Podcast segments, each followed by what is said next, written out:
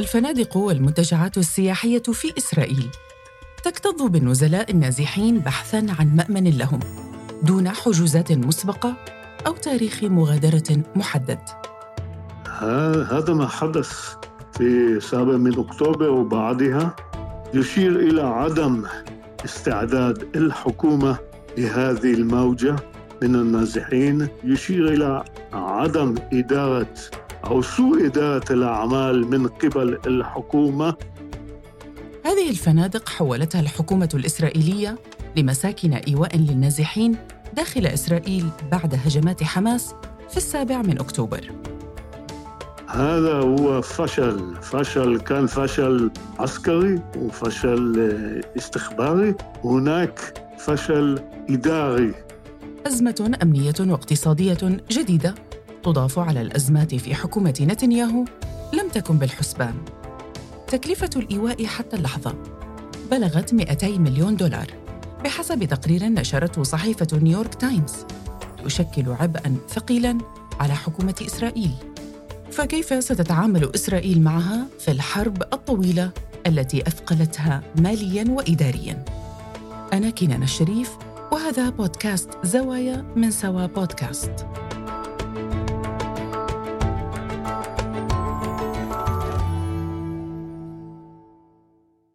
في السابع عشر من أكتوبر أعلن المتحدث باسم الجيش الإسرائيلي جوناثان كونريكوس بأن نصف مليون إسرائيلي نزحوا داخل إسرائيل بسبب هجمات حماس. حكومة إسرائيل أخلت السكان في التجمعات حول قطاع غزة في الجنوب، كما أخلت عشرين تجمعاً سكنياً شمال إسرائيل. بلغ مجموعهم 125 ألفاً. قال الجيش الإسرائيلي أن حوالي 500 ألف إسرائيلي نزحوا من أماكن سكنهم إلى مناطق أخرى داخل إسرائيل منذ أن شنت حركة حماس هجومها قبل عشرة أيام. وبحسب تقرير نشرته صحيفة نيويورك تايمز في نوفمبر للعام الجاري أن أحد الفنادق التي استقبلت النازحين الإسرائيليين من القرى والبلدات المحاذية للحدود اللبنانية هو فندق Golden Crown وبحسب الصحيفة استقبل الفندق الذي يقع في الناصرة شمالا قرابة 800 إسرائيلي نزحوا من قراهم وبلداتهم التي تبعد 25 كيلومترا عن الحدود مع لبنان خوفا من ضربات حزب الله. وما لم يكن في الحسبان التكلفة المادية لإيواء نازحي الداخل الإسرائيلي التي بلغت حتى اللحظة 200 مليون دولار بحسب تقرير صحيفة نيويورك تايمز.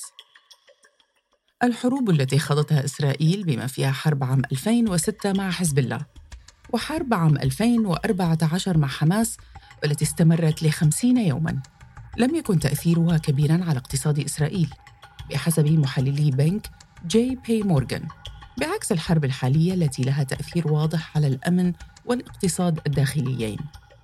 الخبير الاقتصادي الإسرائيلي يحسقيل يعقوبي في حرب عام 2014 هل عانت إسرائيل من موجة نزوح ألقت بثقلها على الاقتصاد الإسرائيلي؟ مثل ما يحدث الآن؟ هذه الأرقام هي من أكبر في نوعها في إسرائيل. يعني كان هناك معركة مع حماس في 2014 وهناك كان إخلاء ممكن نقول عشرات ألاف. الآن هو هذه الأرقام تعود إلى ما حدث في 7 من أكتوبر. الخوف والهلع بما يحدث إذا استمر الحرب خاصة مش في الجنوب الجنوب انتهت التهديدات مثل ما حدث في 7 من أكتوبر الخوف هو من قوات حزب الله في الشمال وهناك كمان إخلاء من هناك من القرى والمدن المجاورة للحدود مع لبنان.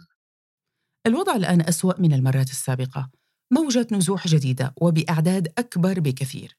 كيف هيأت الحكومة خطتها للتعامل مع هذه الأزمة؟ بالنسبة للتمويل هذا الإخلاء وبالنسبة لتحديد المقاييس آه، التي آه، تشمل فيها وفي هذه القائمة المدن والقرى المستحقة لتلقي التعويضات. هذا ما حدث في 7 من أكتوبر وبعدها يشير إلى عدم استعداد الحكومة لهذه الموجة من النازحين آه، يشير إلى سوء إدارة الأعمال من قبل الحكومة الخلافات الداخلية في حكومة نتنياهو انعكست آثارها على التعامل مع أزمة تأمين الإسرائيليين من الناحية الأمنية والسكنية وتبعاتها. الخلافات كانت بين نتنياهو وعدد من الوزراء. ما هي أبرز الخلافات داخل حكومة نتنياهو التي أثرت على كيفية التعامل مع وضع النزوح الداخلي؟ ممكن نقول صراع بين وزير المالية وكبار مسؤولي آه، وزاراته والخبراء الاقتصاديين في إسرائيل بالنسبة لمدى أو كمية التقليص علاج آه، مشكلة النزوح وهذا ممكن بيشكل أزمة ائتلافية ممكن نقول في الأشهر القادمة أفادت وكالة رويترز بوجود خلاف بين وزيري المالية والدفاع في إسرائيل بشأن تحويل بعض عائدات الضرائب في الضفة الغربية إلى السلطة الفلسطينية بينما عارض وزير المالية بتسلئيل سموتريج ذلك كيف ستؤثر إعادة بناء منازل ل 120 ألف شخص على ميزانية العام المقبل؟ هل سيكون هناك بند جديد يضاف عليها؟ هل هناك توقعات لمخصصات جديدة؟ هذا متعلق بقرار الحكومة لتغيير موازنة الدولة في السنة القادمة. يعني موازنة لازم تتغير بصورة كاملة. يعني حسب آه، معطيات البنك المركزي بنك إسرائيل يتوجب تخصيص أو تقليص ميزانيات الوزارات في السنة القادمة بمبلغ ملياري دولار. هذا يشكل ممكن المسألة كبيرة من قبل آه، وزير المالية. وزير المالية سموتريتش هو ينتمي إلى حزب أو يترأس حزب الصهيونية المتدينة المتطرفة وهو بصراع مع كبار مسؤولي وزارته الخبراء الذي يقترحون آه، ممكن تقليص أكثر. وهو يعارض ذلك لماذا؟ إن هذه الأموال ستخصص حسب الاتفاق الائتلافي آه، لمؤسسات متعلقة بالمستوطنين والمؤسسات المتدينة التابعة للأحزاب الدينية مثل شاس ويهدوت هتوراه فندق Golden Crown السياحي في الناصرة. تحول إلى ما يشبه منتجع ل 800 نازح بحسب تقرير نشرته نيويورك تايمز وأصبح نموذجاً لحياة القرية الصغيرة. تم إغلاق كل الأماكن الترفيهية فيه وتحولت الردهات لمواقف لعربات الأطفال ولألعابهم والشرفات إلى مناشر للغسيل وتقدم لهم الوجبات الثلاث يومياً. تقول ليا رايفيتس للصحيفة وهي نازحة كانت تعيش في كيبوتس يبعد أقل من 300 متر عن الحدود مع لبنان. أنهم حاولوا إنشاء حياة طبيعية والتأقلم على الوضع الحالي. لكن النزوح يبقى نزوح ومن الصعب التنبؤ بالمستقبل. عدد كبير من النازحين الإسرائيليين لا يعلمون متى سيعودون إلى البلدات والقرى التي كانوا يعيشون فيها. وعلى ما يبدو لا أحد يعلم ذلك للآن. سيد يعقوبي كيف ستكون خطة إعادة إسكانهم؟ وهل العمل جاري على ذلك من قبل الحكومة؟ في دائما في هناك وقت للترميم ولإصلاح هذه ممكن نقول هذا الفشل آه، في في هناك آه، مديرية جديدة المسمى بتكوما لعلاج إعادة النازحين إلى مكانهم الأصلي وترميم هذه هذا المكان آه، مثل ما حدث في غلاف غزة في الكيبوتسات وفي المدن المجاورة للحدود مع القطاع.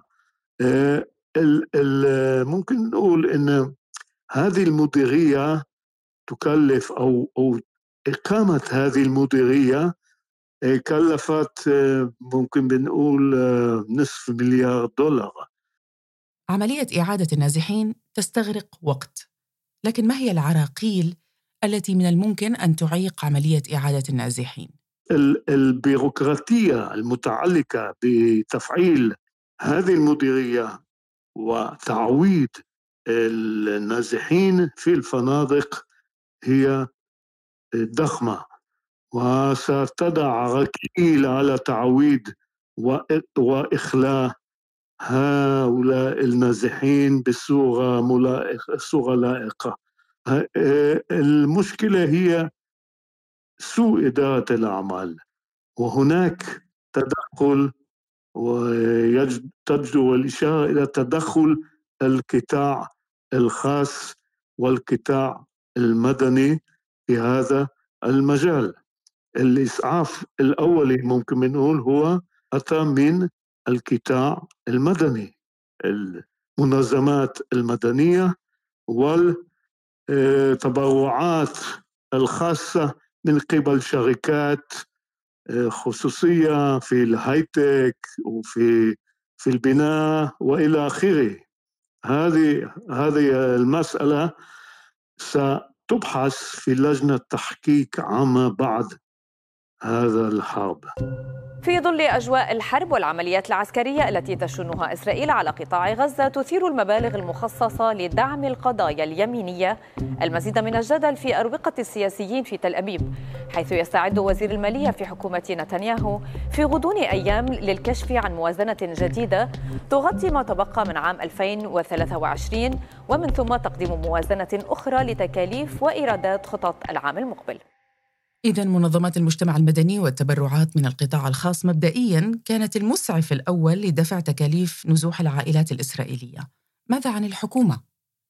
في هناك آه، آه، خطة لتقليص آه، ولتغيير ميزانية الدولة ولتحويل أموال وميزانيات إلى هذا ولتمويل هذا الغرض هلأ الحكومة ستبدأ بتفعيل آه، هذه المهمة ولعلاج هذا هذه المسألة بصورة بطيئة بس في هناك قرارات لتحويل ممكن بنقول هلا 100 مليون دولار إلى آه، آه، النازحين لتمويل إقامتهم وبعدين في هناك مهمة كبيرة.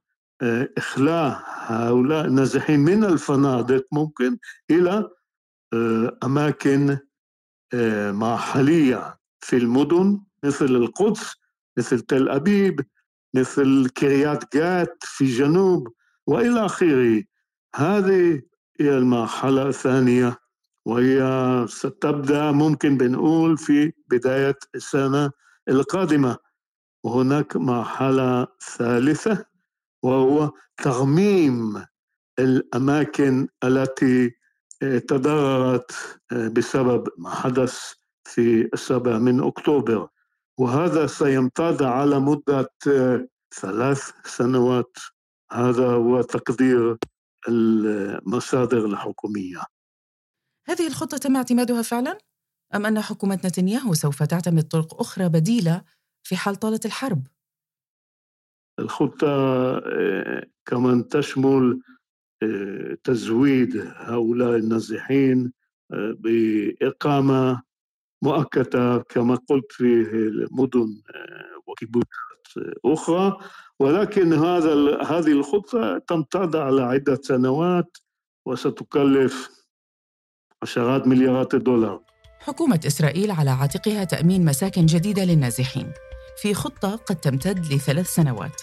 أما الموازنة المالية للعام المقبل يجب أن تتضمن تكلفة بناء المساكن.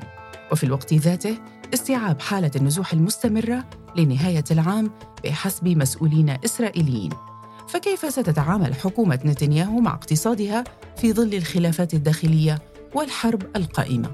كان هذا بودكاست زوايا من سوا بودكاست. من كتابة وإعداد كنان الشريف. مراجعة عبد العالي الزهار إشراف البودكاست محمد فاروق عبد الرحمن وأنا كنان الشريف. إذا أعجبكم ما نقدمه الرجاء تقييم الحلقات على منصات الاستماع للبودكاست وأرسلوا لنا تعليقاتكم واقتراحاتكم على منصات التواصل الاجتماعي. إلى اللقاء في موضوع جديد في بودكاست زوايا.